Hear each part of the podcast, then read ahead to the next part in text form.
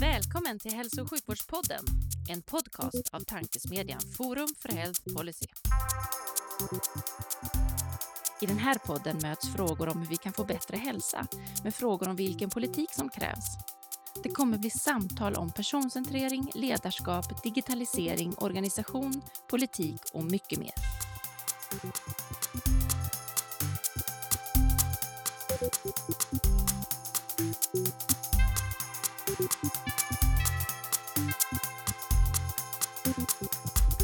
Hej och välkommen till Hälso och sjukvårdspodden, tankesmedjan Forum för Health Policys initiativ för att sprida goda idéer och tankar kring dagens och framtidens hälso och sjukvård och omsorg. Jag heter Magnus Lejelöw och arbetar till vardags för Colivia, men är även ambassadör för Forum för Health Policy. Och idag är det dags för specialavsnitt där vi intervjuar en patient och en anhörig i samma podd. En patient och en anhörig som kan mycket om svensk hälso och sjukvård och således kommer vi diskutera både det enskilda fallet men också hela systemet, vilket känns väldigt spännande. Varmt välkomna till podden Tony och Helene Holm. Tack så mycket. Tack, tack. Eh, jag tänkte vi börjar utanför liksom patient och, och anhörighet, anhörigskapet och, och börjar med vilka är ni utöver det? Då?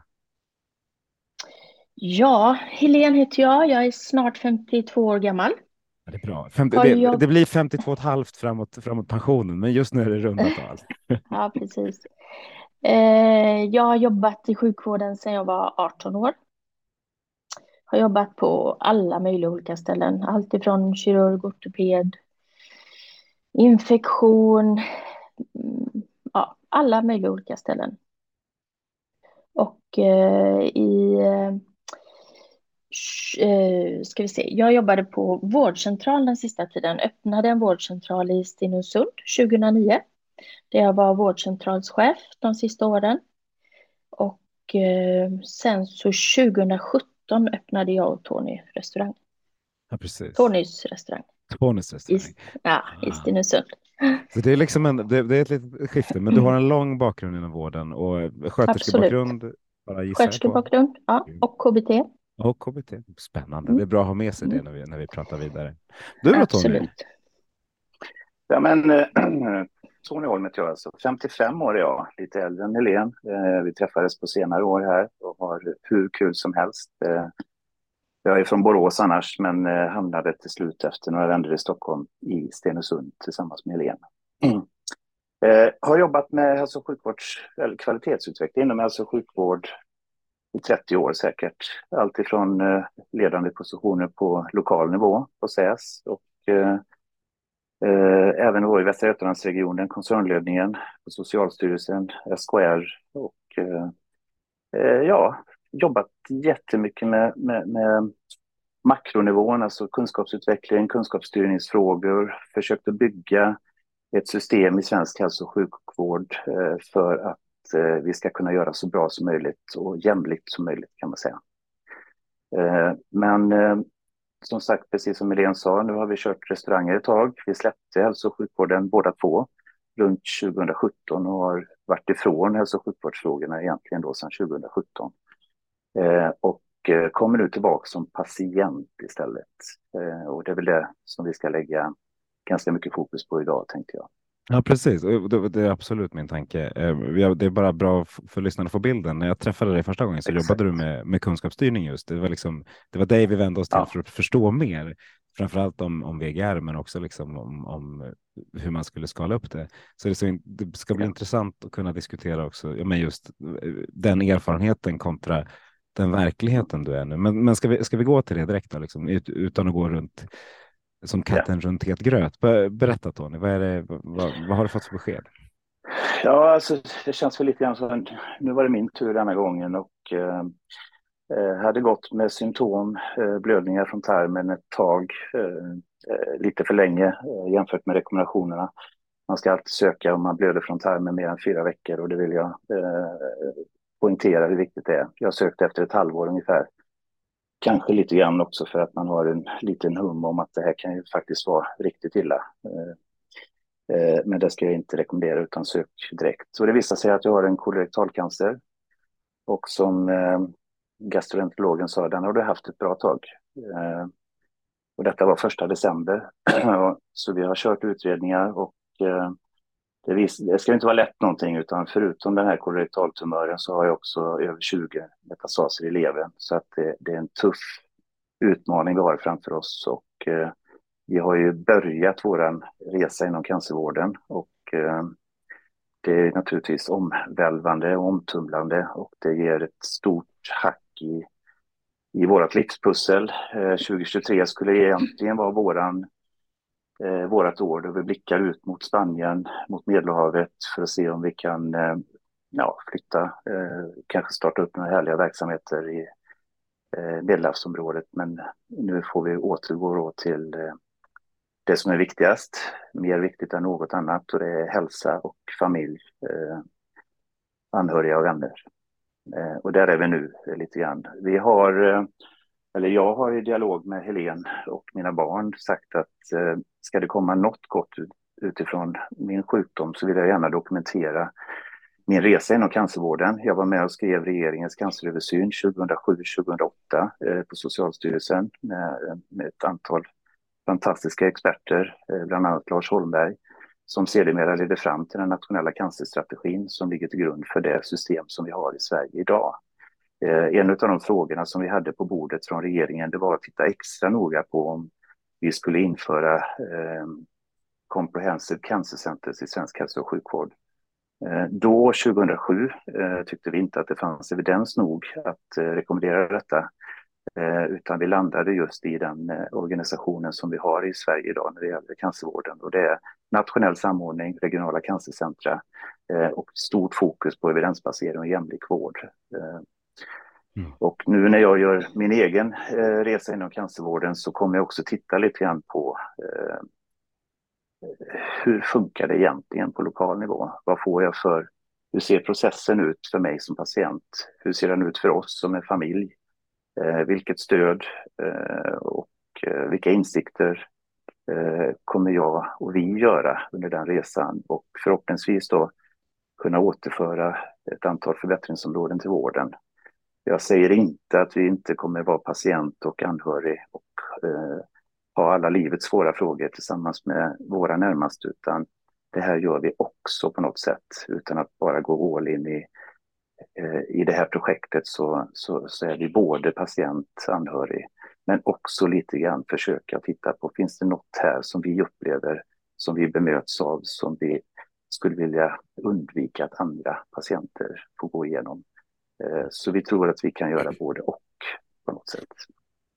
Yes. Och vi ska återkomma till det. Eh, jag tänkte bara först, du, du sa det att jag hade nog mina aningar när jag, när jag liksom med det här med blödningar och att du inte sökte du aktivt inte till vården för att du var rädd eller liksom hur, vad var känslan? Ja, men så är det. Alltså när man märker det först och man inser att det här kan ju vara riktigt allvarligt. Eh, vad tog det, Helene? Det tog nog tre månader innan jag sa någonting till dig.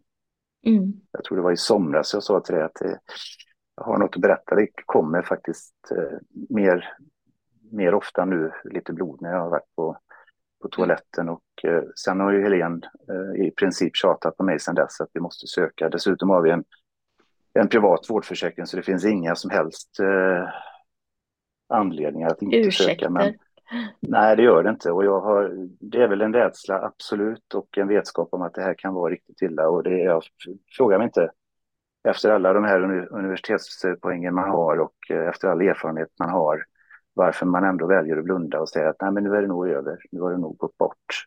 Mm. Jag har fått till mig nu det senaste att det är inte ovanligt att det är just sjukvårdspersonal och läkare framförallt som söker bland de sista. Och det kan vara den rädslan eh, faktiskt. Så länge man inte får beskedet så har man ju inga, inga sjukdom. Precis. Nej, men så är det nog säkert. Men, men du Helene, förutom att hon är envis, eh, Mm. För det, det, skulle jag vilja lägga in i ekvationen. vad, vad, vad, var det svåraste då? För, för, för, att få, liksom, få honom till vården? Så det var jättesvårt. Eh, jag tror att det tog en månad ungefär innan han bestämde sig för att överhuvudtaget boka en tid. Mm. Och kvällen innan vi skulle på den här eh, undersökningen så säger han så här till mig. Helene, nu har jag inte haft blod på flera dagar så att vi kan väl avboka den tiden. Och då sa jag nej, det gör vi inte, utan vi ska dit. Ja, det är tur att det finns smarta anhöriga också då. men, men, men, men, hur var din, eller nu var liksom, som anhörig när man får ett sånt här besked? Vad, vad, vilka, jag, fattar att det inte är några roliga tankar, men vad, vad är det för typ av tankar som går? Och vad, liksom, tänker du, är du fast här eller tittar du framåt? Tony pratar väldigt mycket om, liksom, om, om framåt, vad man ska göra. Vad, hur, hur, mm. hur, hur resonerar du som anhörig? Alltså, jag, alltså det är klart att man blir jätterädd. Eh, rädd, arg. Eh, alla de känslorna kommer ju på en och samma gång och man tycker att det är ofattbart. Jag menar, varför händer det oss? Vi som har det så bra och är, alltså har en framtid tillsammans som jag inte vill ska ta slut. Så att eh, alla de känslorna kommer ju jättestarkt. Samtidigt eh, försöker jag att inte vara för mycket i framtiden. För att eh, vi vet inte vad som kommer att hända, utan vara här och nu. Men det är rätt svårt att tänka så. Men jag försöker verkligen göra det. Vad, vad, vad, kan du, det kanske är svårt att göra nu, det har inte gått så lång tid, men vad, vad kan, du, vad kan du ge för rekommendationer till andra i, i din sits? Liksom, vad är... Så, eh, nej men vi vet ju faktiskt inte vad som kommer att hända. Jag menar forskningen går framåt. Vi, eh, liksom varje månad kommer det upp nya studier. Alltså, det, alltså forskningen går verkligen framåt. Och eh, Eh, i Tonys fall så, så finns det liksom en hel verktygslåda som han kan använda sig av med behandlingar. Och vi vet inte. Det var som en doktor sa till oss att för 20 år sedan pratade man om eh, veckor eller månader att man skulle överleva och nu pratar man om år. Och vi vet inte vad som händer nästa år. Vad det finns för behandling till Tony. Nej. Så att, eh, att vara, vara i nuet och inte blicka för mycket framåt. Jag tror att man tjänar på det som eh, anhörig, men eh, jag vet att det är jättesvårt. Mm. Nu har, jag har läst lite av dina Facebookinlägg. Tony. Så jag, liksom, jag, har, jag har en bild av, av hur det varit och jag rekommenderar alla där ute att, att faktiskt läsa det för, för att få se, just få ja, men steg för steg hur både känslor och, och hur bemötandet. Kan du inte, men kan du inte berätta, hur, hur var det när du kom in i vården? Var det som du hade tänkt dig när ni skrev strategin 2008? Alltså det måste väl tilläggas också att jag inte precis sprungit ner i vården, inte ens på vårdcentralsnivå. Vi kom på att senast jag var sjukskriven var 1994, så att Eh, mina erfarenheter har inte varit som patient någon gång egentligen, utan mer som sjuksköterska. Men det är så länge sedan jag jobbade själv som sjuksköterska. Vi pratar 2002, 2003 kanske. Eh, och då, samtidigt så har man ju varit i de här utvecklingsfrågorna nationellt, framför allt hur vi bygger ett kunskapsstyrningssystem från nationella nivån till lokala nivån och varit eh, uppfylld över hur, hur, Sverige som ett ganska komplicerat uppbyggt land ska försöka hitta strukturer för att alla ska kunna använda bästa tillgängliga kunskap eh, och att vi ska få en mer jämlik eh, sjukvård över landet. Så att jag måste säga att jag var helt nollställd när jag kom in i vården. Jag var glad att jag hade en eh, privat sjukvårdsförsäkring så att jag fick en snabb tid. Man gjorde en, en, en bra undersökning. Beskedet där, det var väl någonstans att jag hade i bakhuvudet att det här kan vara riktigt illa, men jag hoppades ju ändå på något sätt att det inte skulle vara det. Eh, en något klumpig ST-läkare kanske som pratade högt under hela koloskopin. Eh, och jag hörde ju hur mycket han hittade och, och, och hur många biopsier han tog där innan då eh, min riktiga läkare, höll jag på att säga, kom in och, och satt på min framsida och sa att nu tar, är det så illa, sa jag under behandlingen. Eh, och han lugnade mig och sa att nu tar vi ingenting, vi, vi, vi pratar efteråt och du ska inte vara orolig utan ta det här. Och det, det kändes ändå lugnande. Eh, för, för, det, för det är svårt, för hade jag frågat innan så hade du förmodligen velat veta allt. Alltså eftersom man, man, är, man, man är vetgirig och vill liksom förstå allting som händer. Men det kanske inte är så. Jo, men i de här bryggorna mellan svåra, eh, möjligt svåra besked mm. så är man inte lika kaxig. Nej, det förstår Nästa jag. svåra besked. Det finns ett antal sådana. Eh, men när, vi, när, när, undersökningen var klar och vi satte oss ner och diskuterade så, så var man ganska tydliga där. Du har, du har en eh, elak cancer och den har du sannolikt haft ganska länge. Eh, en obeskrivlig känsla, nästan en känsla av att att jag inte att jag var lite grann vid sidan om och, och nästan ifrågasatt, är, är detta verkligen jag? Är det så illa och är det så som jag trodde? Eh, ett omvälvande beslut, men vi gick hem med det. Det första vi gjorde när vi satte oss i bilen, det var att börja fundera på hur gör vi med alla våra företag och restauranger? Eh, det var första känslan. Första samtalet eh, vi ringde, det var till vår affärsrådgivare, före anhöriga. För att, lägga upp en strategi, för att lägga upp en strategi för hur vi ska kunna vara sjuk ett tag eller en längre tid utan att eh, affärerna och företagen eh, påverkas. Det var det första samtalet vi gjorde. Sen landar man, alltså människan är ju otrolig i att anpassa sig till ett nytt läge. Jag vet att jag pratade med mina barn och eh, mina närmaste. Och efter bara några dagar så var jag inte helt under isen utan ganska positiv och sa att Nej, men är, det, är det nu bara kolorektalcancer och den här tumören och ingen spridning så löser jag detta. Det är inga konstigheter. Eh, jag känner mig ganska trygg i det.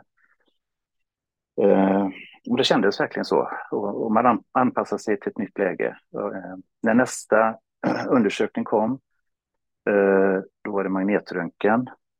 Och det tog ju tid att få svar på den. Var fortfarande väldigt positiv. Och egentligen är det först då, den första undersökningen gjordes första december på Scandinavian Gastro Clinic. Och den sista undersökningen, magnetröntgen, gjordes den 15 december och 20 december så hade vi ett möte med, med en kirurg och eh, kontaktsjuksköterska på Östra sjukhuset. Och det var först då, eh, när Helene var med och mina barn var med, som kirurgen sa att eh, det är lika bra att vi är ärliga och öppna. Och eh, den har spridit sig och eh, det är inte lite utan det är i hela levern, som man uttryckte det. Inte då, sa han inte det Tony? Sa han inte att det var i hela levern? Nej, nej. Han sa ja. att det är multipla. Då tänkte vi så här, ja, en ja, eller okay. två kanske. Ja. Det var först efter konferensen vi fick reda på hur många det var. Just det, det stämmer. Mm. Då hade vi Nej, men, och då blir man återigen, han, han såg så ledsen ut när han sa det så att man tänkte, men herregud, eh, okej, okay, hur gör vi detta? Jag försöker tänka konstruktivt i allt och, och, inte bara med min egen sjukdom utan jag har alltid försökt att tänka i svåra, svåra projekt. Alltså hur gör vi detta spännande? Hur, hur, hur kan vi angripa detta på ett bra sätt nu? Och, och reagerade på samma sätt där och tröstade nästan kirurgen lite grann och, och sa att ja, men okej, okay, det var ju synd att det var fler. Det är synd att det är spridigt och det är synd att det är fler än en. Men å andra sidan om, om kan ta på en så borde den väl ta på alla. Eh, och vi landade väl där lite grann och sa att jag vill ha absolut största möjliga behandling och den mest evidensbaserade behandlingen. Och vi kommer att ställa upp hundraprocentigt om ni lovar att vården ställer upp hundraprocentigt. Och att vi hittar ett bra samarbete, för jag vill verkligen försöka att bli helt frisk. Det var väl kontentan av det mötet. Sen hade vi en planerad resa till Spanien den 22 och eh, jag pratade med kontaktsköterskan och sa att nu är vi ju nästan mitt i julen så att det kommer väl inte hända så jättemycket behandlingsmässigt. Så att är det möjligt att vi kan åka på den planerade resan? Och det kunde vi göra. Så att vi åkte faktiskt som planerat eh, den 20 tror jag. Och sen hade vi sen var den medicinska den regionala medicinska konferensen den 22 och då fick jag återkoppling i, eh, när vi var nere i Spanien. Hur, hur var det att vara i Spanien då? Mm, alltså, jag tänker att ni har varit där en del. Eh, man har ett sätt att komma dit. Man tänker en kall öl i solen och en golfrunda eller paddel eller vad det nu är man tänker. Hur, hur, hur var skillnaden när du liksom hade, eller ni skulle jag säga, hade de här nästan beskeden? Ni hade i princip hela bilden då. Alltså för mig den, den 22 när vi fick reda på att det var 20 plus eh, metastaser i levern, då, då sjönk jag jättelågt under marken. Alltså jag var helt knäckt. Jag tänkte nu, nu dör han när som helst. Eh, vi var ju i Spanien eh, hos min mamma och pappa så att eh, det kändes ändå skönt att ha stöd från dem. Eh, ja, vi gjorde väl, alltså vi var på utflykter och alltså vi försökte och att leva som vanligt. Men just den dagen då jag grät hela tiden och fick nästan panikångest och allt var jättejobbigt. Så att, eh, ja. Jag fattar det. Men var det annorlunda? Vad kändes det liksom som man var för långt ifrån verkligheten när man var i Spanien? Hade det känts bättre om det var i Göteborg? Nej. Nej. Nej. Nej, och så bättre var ju ett dumt ord, men jag tänkte bara.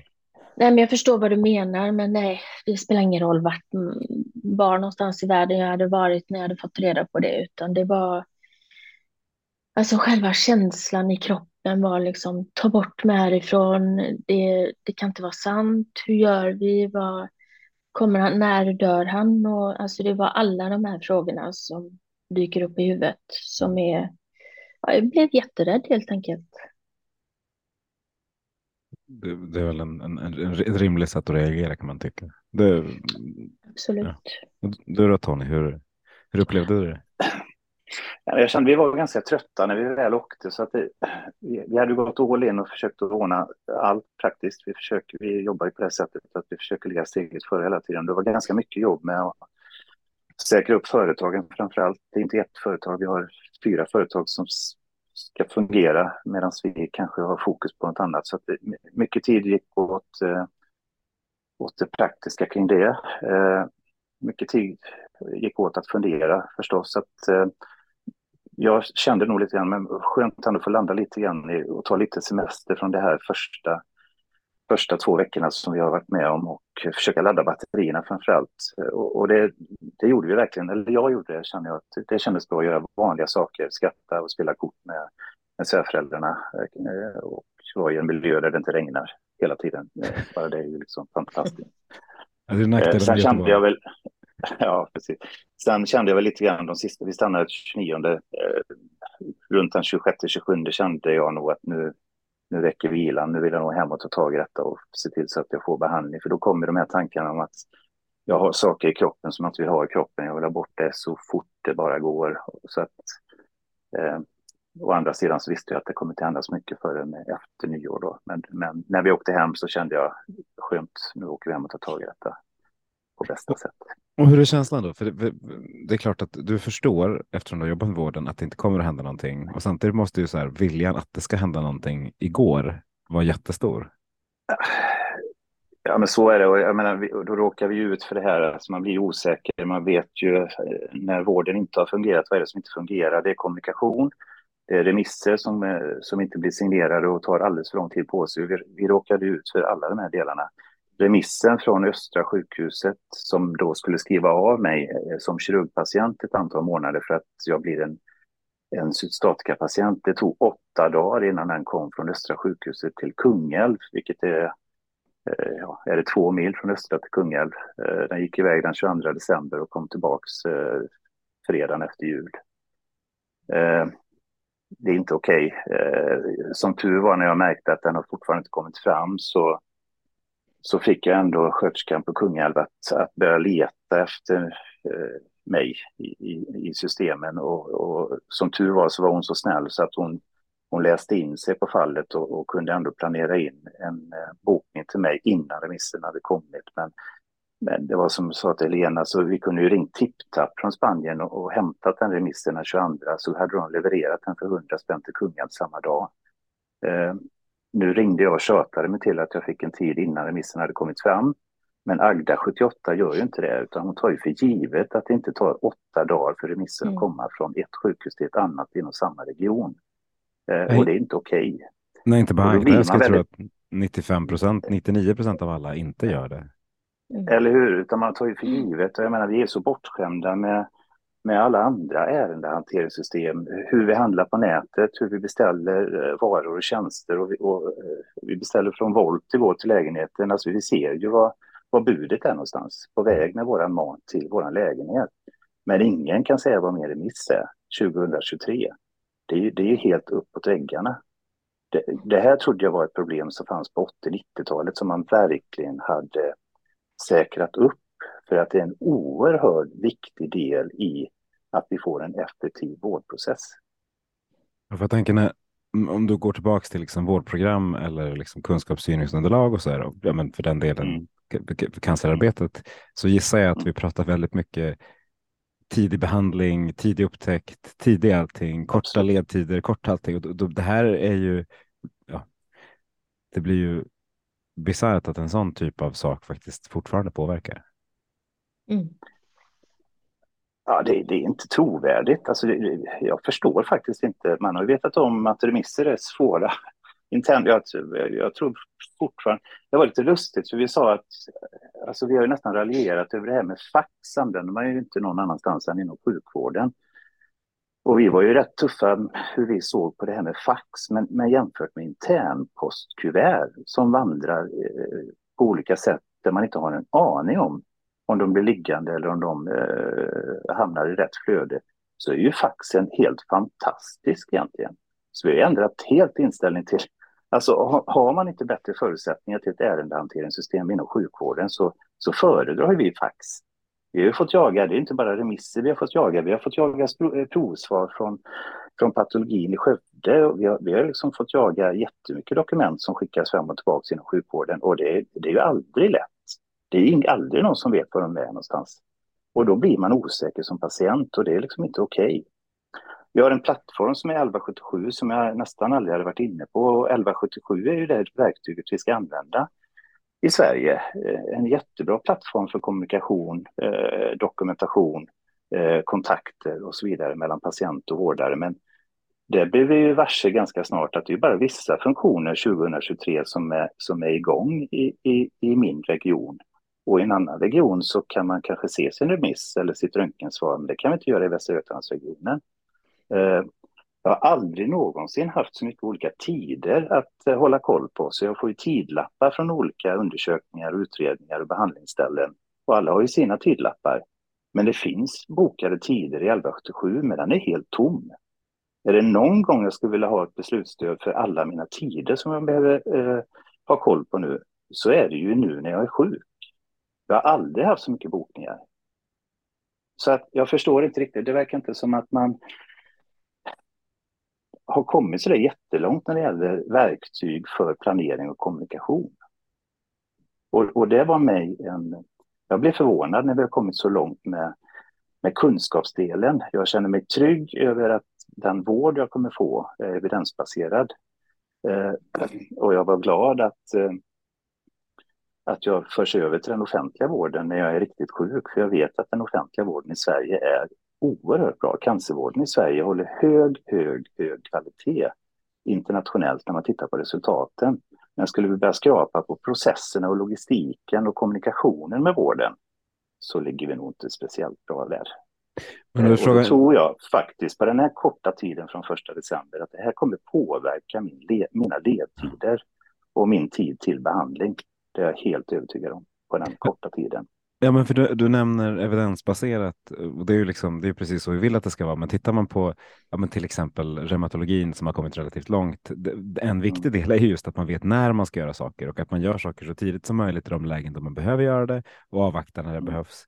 Men här, här har ju, kan inte, här kan, även om all evidens kommer att säga att du ska göra det så tidigt som möjligt så har det ju liksom redan nu har det gått väldigt lång tid kontra vad du borde göra tack vare ett antal liksom, misslyckanden med systemet. Mm. Sen får vi också ja, tänka på att det är jul och nyår och då stänger ju en del av sjukvården ner nästan. Man sa ja. ju det att vi kommer inte att, nej, nej, men man kommer inte att ta in dig för en, alltså påbörja en ny behandling mellan jul och nyår, utan den är väl till för de som redan är i behandling, tänker jag. Så att eh, och, och, det kan man ju köpa, men, men, man kan ju inte köpa att en remiss inte kommer fram eller att ett meddelande Absolut inte kommer. Så, så det, finns ju liksom olika saker. I den digitala värld vi lever i så förväntar jag, jag mig att kommunikationen kan fortsätta fastän eh, en, någon i vården är på semester. För det tycker jag att man ska få vara också. Jag, har inget, alltså jag kan förstå att man inte sätter igång en behandling under en vecka, men att, att en remiss mm. inte kommer fram eller att ett provsvar inte mm. liksom blixtrar in i 1177, det, det är ju störande på riktigt. Ja, det är det verkligen.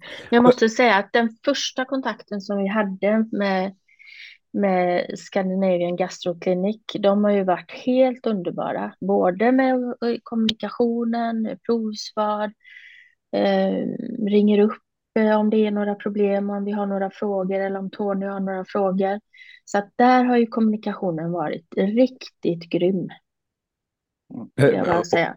Och ur ett anhörig, anhörigperspektiv, vad, vilken kommunikation, nu lyfter du något som varit väldigt bra, vilket är skitroligt. Eh, mm. Eh, det vi blir glada att det finns det. Är det någon, någon mm. kommunikation som du har sett som, som mindre bra? Eller och är det någon annan del som du känner som att det här har varit positivt, både då digitalt men kanske också analogt? Ja, precis. Nej, men den kontakten som vi har just nu då, som har hand om Tonys behandling har väl inte varit tipptopp kan jag väl inte säga. Jag tror inte att vi pratar riktigt samma språk där. Men om jag får bara flika in, när man tittar på den kommunikationen som vi hade med Scandinavian Gastro Clinic, dagen efter vi hade varit där, alltså den 2 december, så ringer han upp från, från sin privata mobiltelefon mm. och så säger han att har du någon som helst fråga nu Tony, så har du mitt privata mobilnummer. Jag säger inte att vården, alltså den offentliga vården kan inte jobba på det sättet, men för mig som patient att få en direktkontakt och mobilnummer till en gastroenterolog som är dessutom leverspecialist, det var ju helt ovärderligt. När han dessutom fortsätter och ställa frågor och pusha mig och peppa mig och, och försöka säga att det här kommer vi lösa Tony, jag kommer hjälpa dig på alla sätt. Den är också ovärderlig. När han mm. dessutom får influensa själv, förkylningsinfluensa, och är sjuk två veckor och han fortsätter att mässa mig och ställa frågor kring hur går det för dig? Ska jag, behöver jag hjälpa dig på något sätt? Får du den kontakt du behöver? Den är helt otrolig. Man blir mm. nästan liksom religiös. Och mm. återigen, vi kan inte ställa det kravet på den offentliga vården, men, men, men min trygghet... Någonstans däremellan. Alltså någonstans däremellan. Mm. Och, och då är det ju ändå så att, ja. Men fick, fick du den kontakten för att, för, för, att ni hade en relation sedan tidigare eller var det, var det nej, er nej, känsla nej. att det var, ja. Jag har aldrig träffat människan. Jag sa egentligen när jag, när jag kom att jag brukar alltid googla upp de som ska eh, behandla mig, höll jag på att säga. Nej, men det är bra att ta lite referenser. Jag såg att vi hade 27 gemensamma kontakter på LinkedIn. Bland annat Olivia Wixell och det, bara det gör ju en trygghet. Eh, vi känner inte varandra sedan tidigare. Jag har hört att han har ett gott namn eh, och är en duktig gastroenterolog. Eh, I övrigt så har vi inte någon relation och, och jag var ganska tydlig där att alltså, resa, nu ska jag inte säga några namn här, men, men, men var noga med så att du glöm inte fakturera för den tiden som du lägger ner här nu. Vi pratar inte ekonomi Tony, vi pratar din hälsa. Det finns ingenting annat. Så han är, han, han är en ängel kan jag säga. Mm. Mm. Det finns många änglar. Han är en av de änglarna som, eh, som, jag, som har hjälpt mig. Utan han så hade jag varit så vilsen i detta. Mm. För det här är ju liksom, om vi säger då att det här är den högsta graden av kommunikation och tillgänglighet. Mm. Så, så ser vi hela spannet och då får vi inte glömma att att vara cancerpatient innebär att man, man har behov av olika utredningar och behandlingar på olika enheter och kliniker.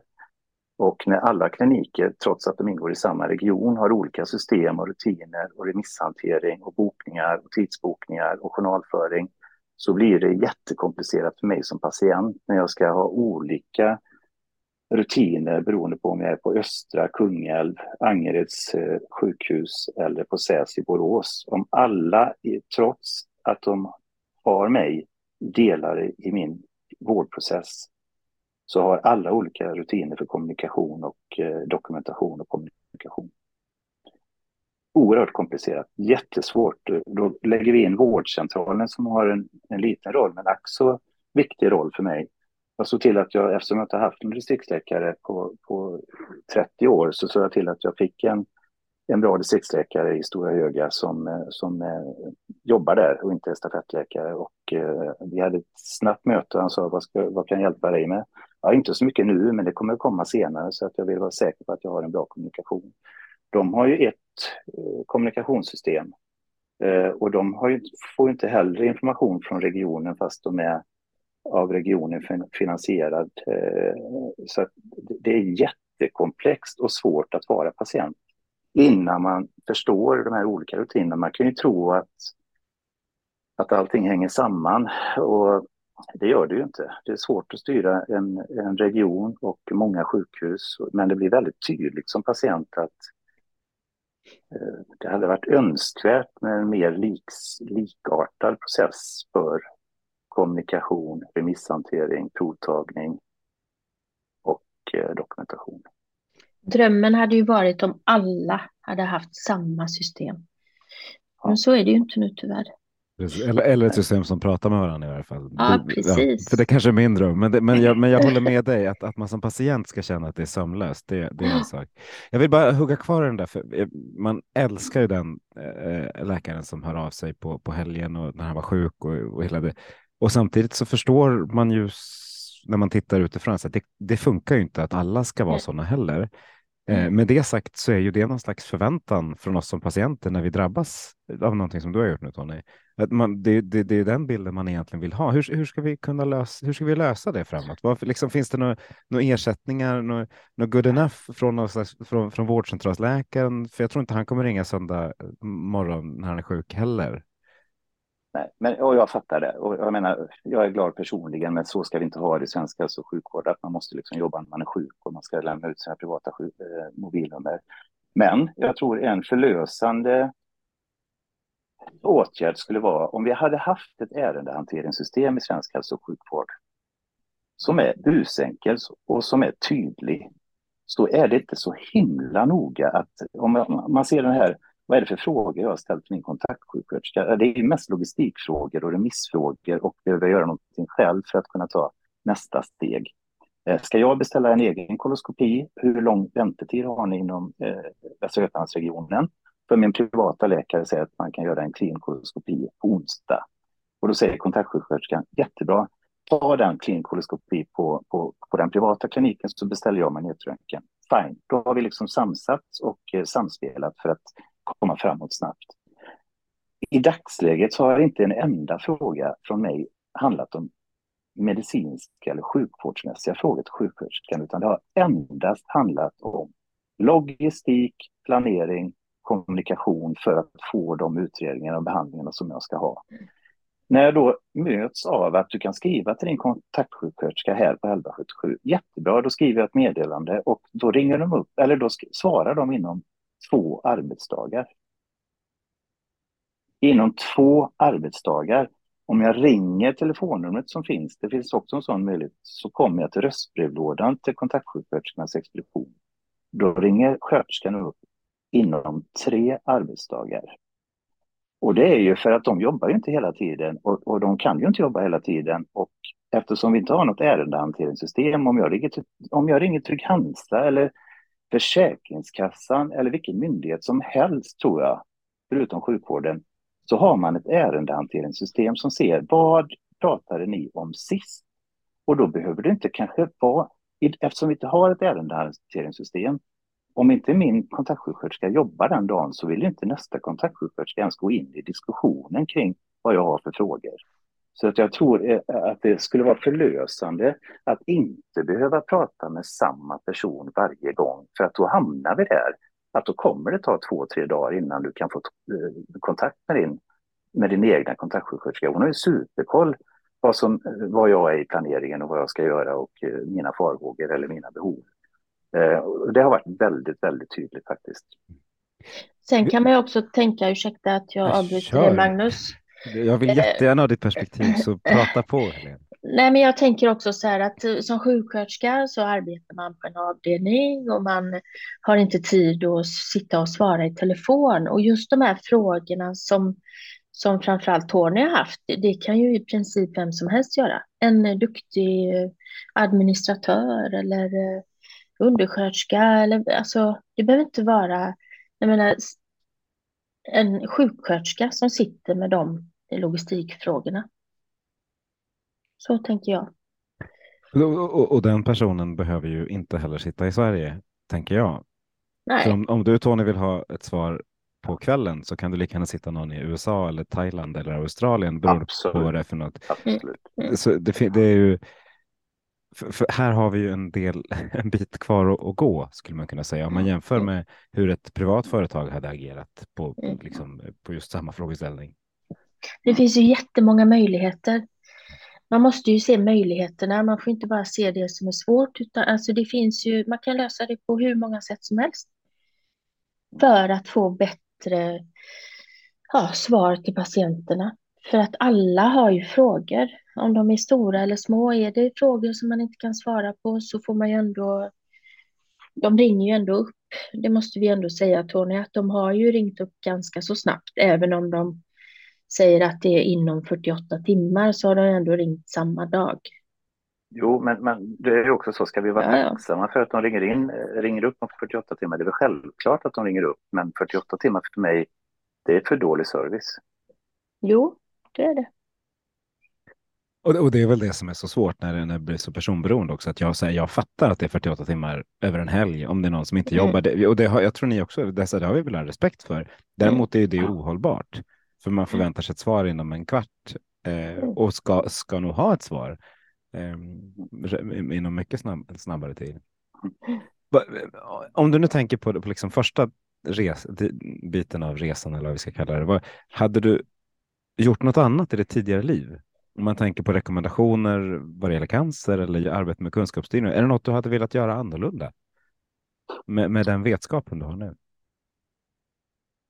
Alltså, vi- får all respekt för att det är svårt att styra komplexa system och sjukvården är ett oerhört komplext system. Särskilt då när vi i, i allt all större grad försöker organisera om sjukvården inom regionen och mellan regioner och nationellt så att vi försöker hitta de bästa sambanden eh, och hitta de bästa processerna för effektiv vård. Det kräver absolut ett sådant närvarande ledarskap på alla nivåer.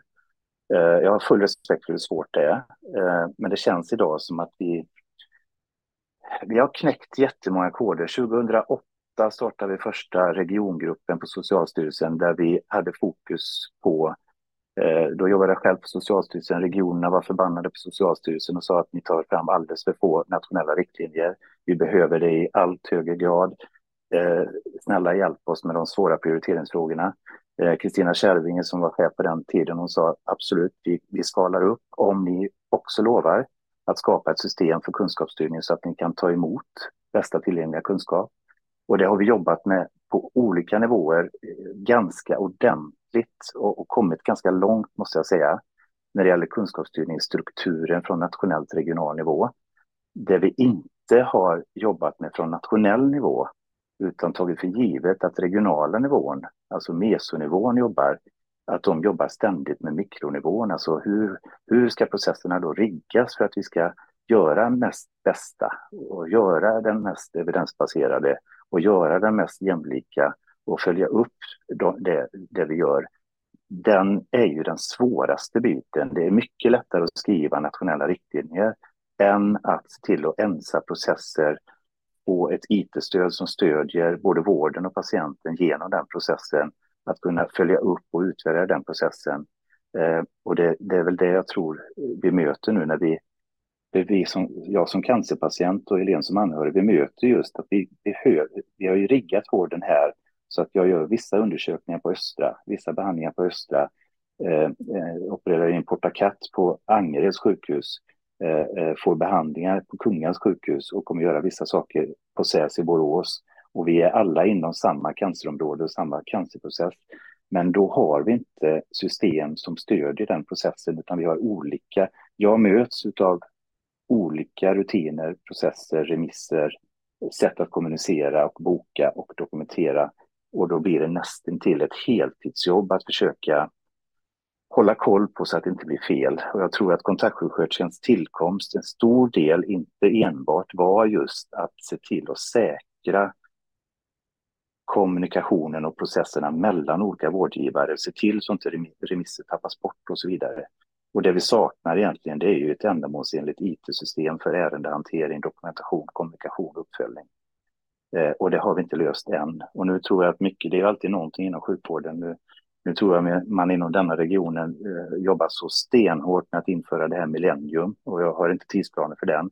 Vilket gör att man, man lägger ju naturligtvis ingen kraft på att utveckla de andra systemen som, som ska leva till vi får ett system som kan bättre lösa de här delarna. Så vi är väl precis i ett vakuum nu när vi, vi får dras med våra system som vi har skapat själva och som inte är de bästa integreringsmässigt för att vi väntar på ett större system som kanske då förhoppningsvis kommer att eh, stödja vården och inte liksom försvåra vården eh, när man har med många olika kliniker att göra. Och, och, det, och känslan då som patient, för det, det systemet har hållit på att implementeras i fem år, det har Mm. skjutits fram. Tre år nu under tiden och kommer väl att mm. vara färdigt någon gång eh, till 2028 eller så, beroende på hur det ser ut. Eh, och allting annat stannar, stannar upp. Om man inför någonting någon annanstans, nu, om vi tar någon av de digitala vårdgivarna till exempel, som ju har ett, det är inte alls lika komplext, men de inför ett IT-system på liksom i princip nolltid i sammanhanget. Är det liksom, kan vi som samhälle acceptera det? Och att det dessutom införs på, på olika ställen och inte att allt inte liksom är upphandlat för att prata med varandra?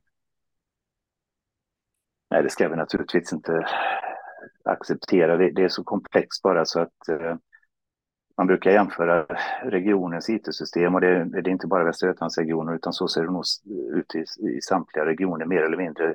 Det är en igelkott av små system, expertsystem som vi har eh, tyvärr eh, enskilda läkare av intresseorsaker eh, och för sitt smala område utvecklat fina, jättefina system eh, som funkar för den, den lokala delen. Men sett ur ett helhetsperspektiv för patienten har man lagt för lite kraft på att hur ska de, vilka andra system behöver de integrera, integreras med för att passa in i det stora hela. Och det har man konstaterat för länge sedan. Men, men det är svårigheten då att komma ur det tar ju sån enorm kraft. Och jag vet när vi var och tittade på, jag har inte exakta siffror nu, men när vi tittade på Intermountain Healthcare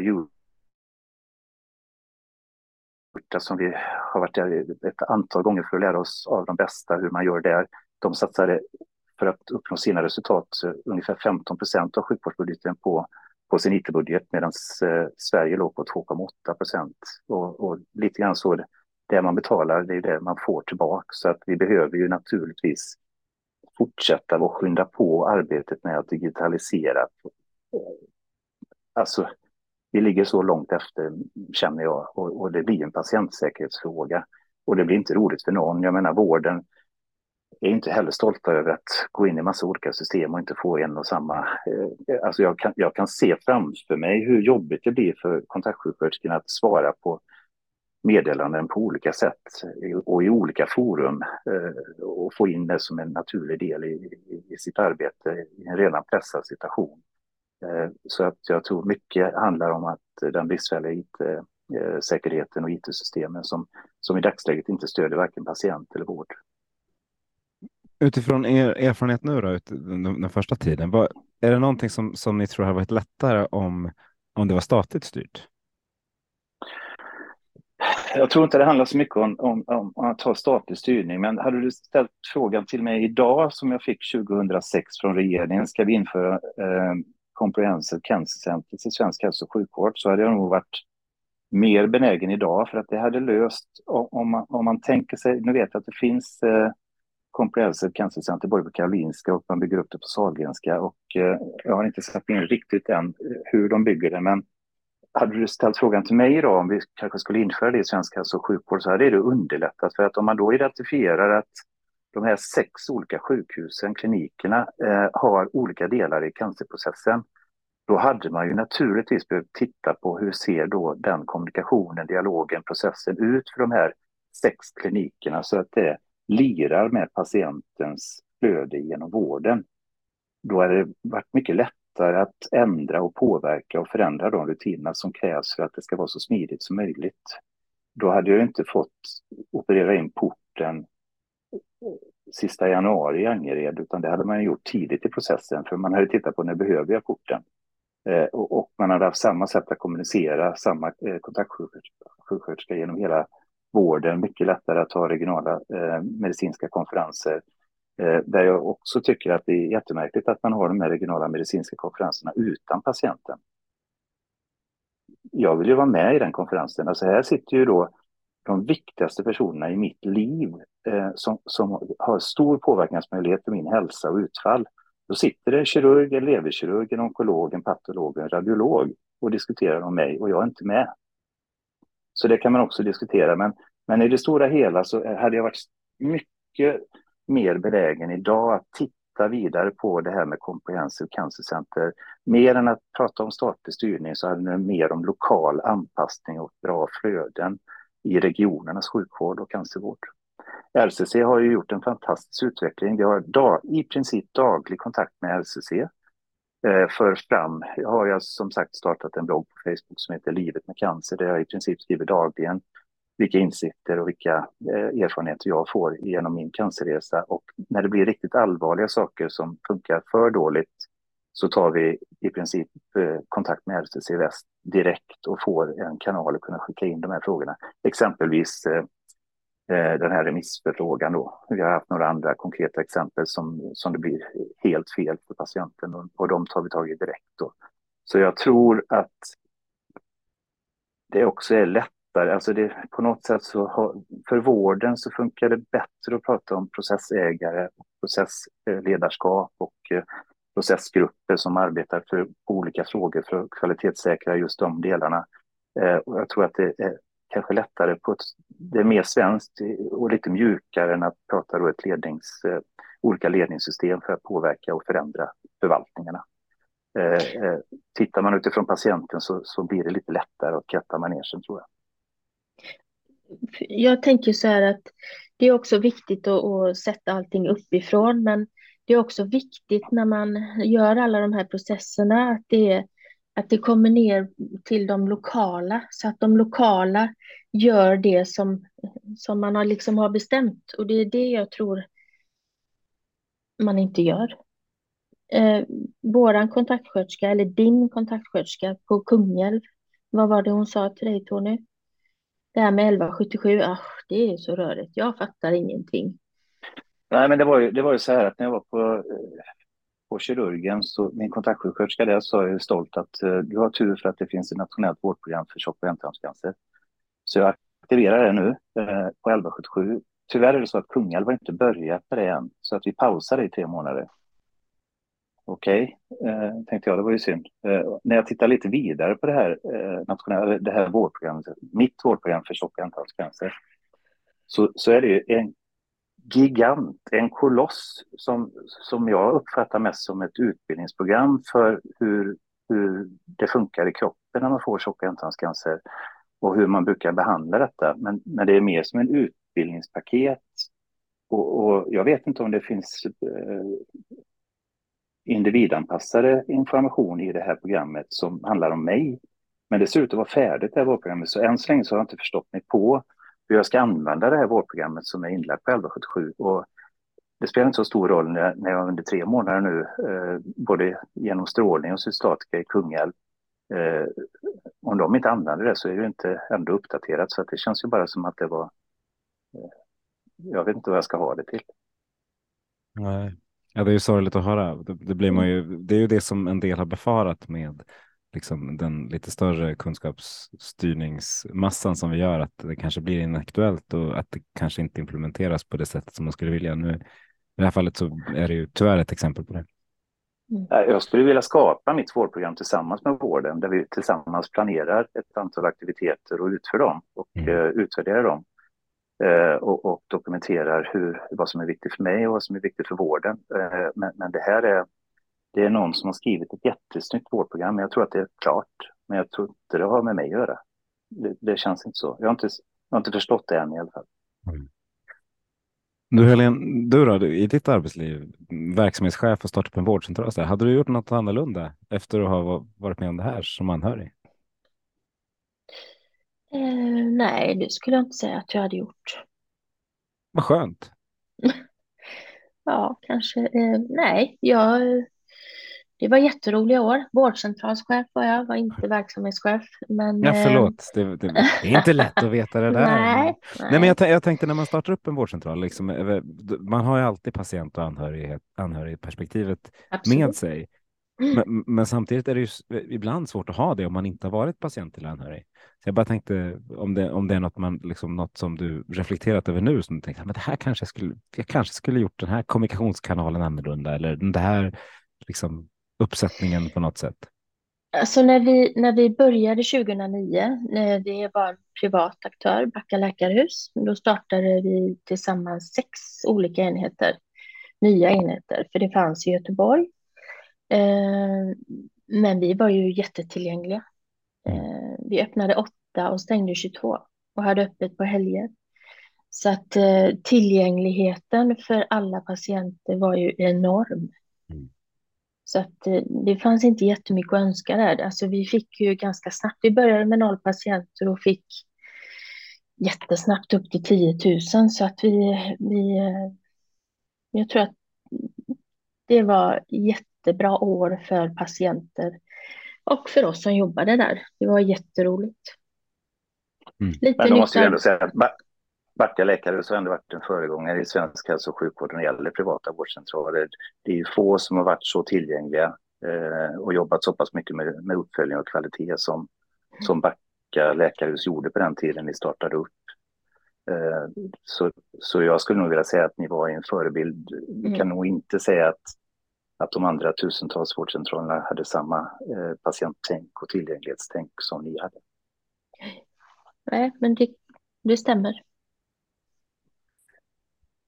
Eh, Forum för Health Policy som, som ju liksom ligger bakom den här podden, de delar varje år ut ett patientpris. Eh, förra året gick det till, faktiskt till Capio Orust som väl är liksom, har lite samma, samma tänk där och deras astma, eh, astmamottagning. Nu, nu, nu håller man, är det, vi är mitt inne i nomineringsperioden till, till nästa års, eller till årets patientpris. Vi är ju 2023 nu, banne mig. Mm. Eh, och där lyfter man saker som att en delaktig vårdgivare, nöjda patienter, bra uppföljning och att digitalisering är en del av liksom, Eh, av vårdprocessen. Är det, om ni hör de, de delarna, är det något, någon del i, i liksom din vård, Tony, som du hade velat lyfta upp för liksom ett, den typen av pris just nu? Det låter som gastrodelen i början är något du kommer lyfta, men jag tänkte är det något annat också som känner att men, det här är både delaktigt och, och digitalt?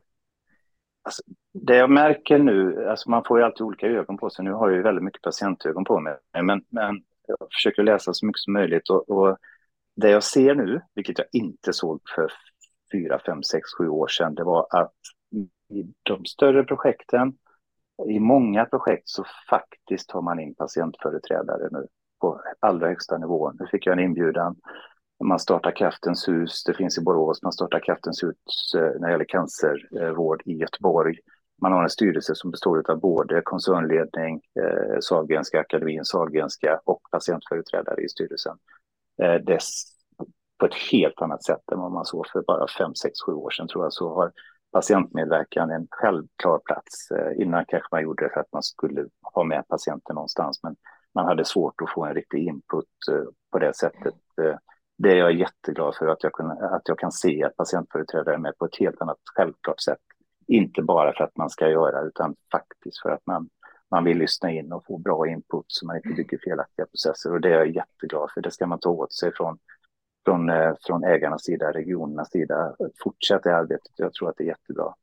Eh, eh, så att det är något som är positivt och jag tror jättestarkt på detta. Sen är det ju svårt att vara patient. Det är svårt att vara tjänsteman och det är svårt att utveckla svensk hälso och sjukvård. Men, men det här kommer bidra åt rätt håll tror jag. Ja, precis. Och det, det var inte det, svar på din fråga, men det var, nej, men det, det, det, var ett bra svar ändå. Det tycker jag inte. Det var liksom inget, jag tänker att den som eh, ser till att, att du som patient får utveckla sitt eget vårdprogram i samband med att man gör sin resa kommer att komma långt på den här resan också. Mm. Det var en väldigt fin idé. Mm. Eh, och för er som lyssnar, in och nominera om ni har något, något bra exempel på, på patientvårdmöte som liksom är värt att lyfta. För vi, det är viktigt att vi lyfter de bra exemplen. Eh, du, jag kan har... flika in med det, Magnus, att eh, vi, vi, kommer som sagt att eh, vill man följa vår resa, min och Helens, eh, gå in på Facebook och eh, ta del av sidan Livet med cancer. Eh, tyvärr döpte jag den fel. Det är inte Livet med cancer, utan det är Livet med min cancer. Eh, den är väldigt speciell för olika personer, så att den inte är gemensam för någon egentligen. Eh, vill man följa den så gör det. Vi kommer i samarbete med Kjell Asplund, eh, för detta generaldirektör, så försöker vi nu hitta ett antal eh, plattformar, forum på nationell nivå, eh, Socialstyrelsen, SKR och Cancerfonden där jag kontinuerligt kommer att tanka av en del insikter och erfarenheter som vi ser. Det här bör man utveckla, det här bör man förbättra, det här är bra, det här är mindre bra. Så vi skapar de forumen på nationell nivå och eh, på regional nivå så kommer det vara eh, RCC där vi tankar av eh, regelbundet, men också till Sahlgrenska eh, ledningsgruppen på Sahlgrenska, både tjänstemän och politiker. Eh, och naturligtvis på den lokala nivån också sitt i den delen. Så det är vårt bidrag. Vi ska försöka göra det så, så balanserat som möjligt. Att försöka få något bra ur allt elände. Eh, att vi också kan lämna tillbaka lite bra tips till vården, både mm. nationellt, regionalt och lokalt. Då hoppas jag att, eh, liksom att, att det blir någonting bra av det och så tänker jag att vi kan fortsätta den här dialogen då om, liksom, om ett antal månader och hoppas att det, allting går så bra som det bara kan göra. Eh, så kan vi liksom, för det är väldigt intressant att få både, både patient och anhörigperspektivet måste jag säga. I liksom, i för det, det är så viktigt att få, få helheten i det hela.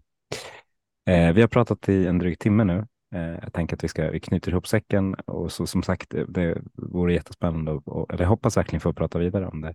Eh, vad, är det något ni hade velat säga som ni, som ni inte har, har liksom fått säga eller fått, fått prata om?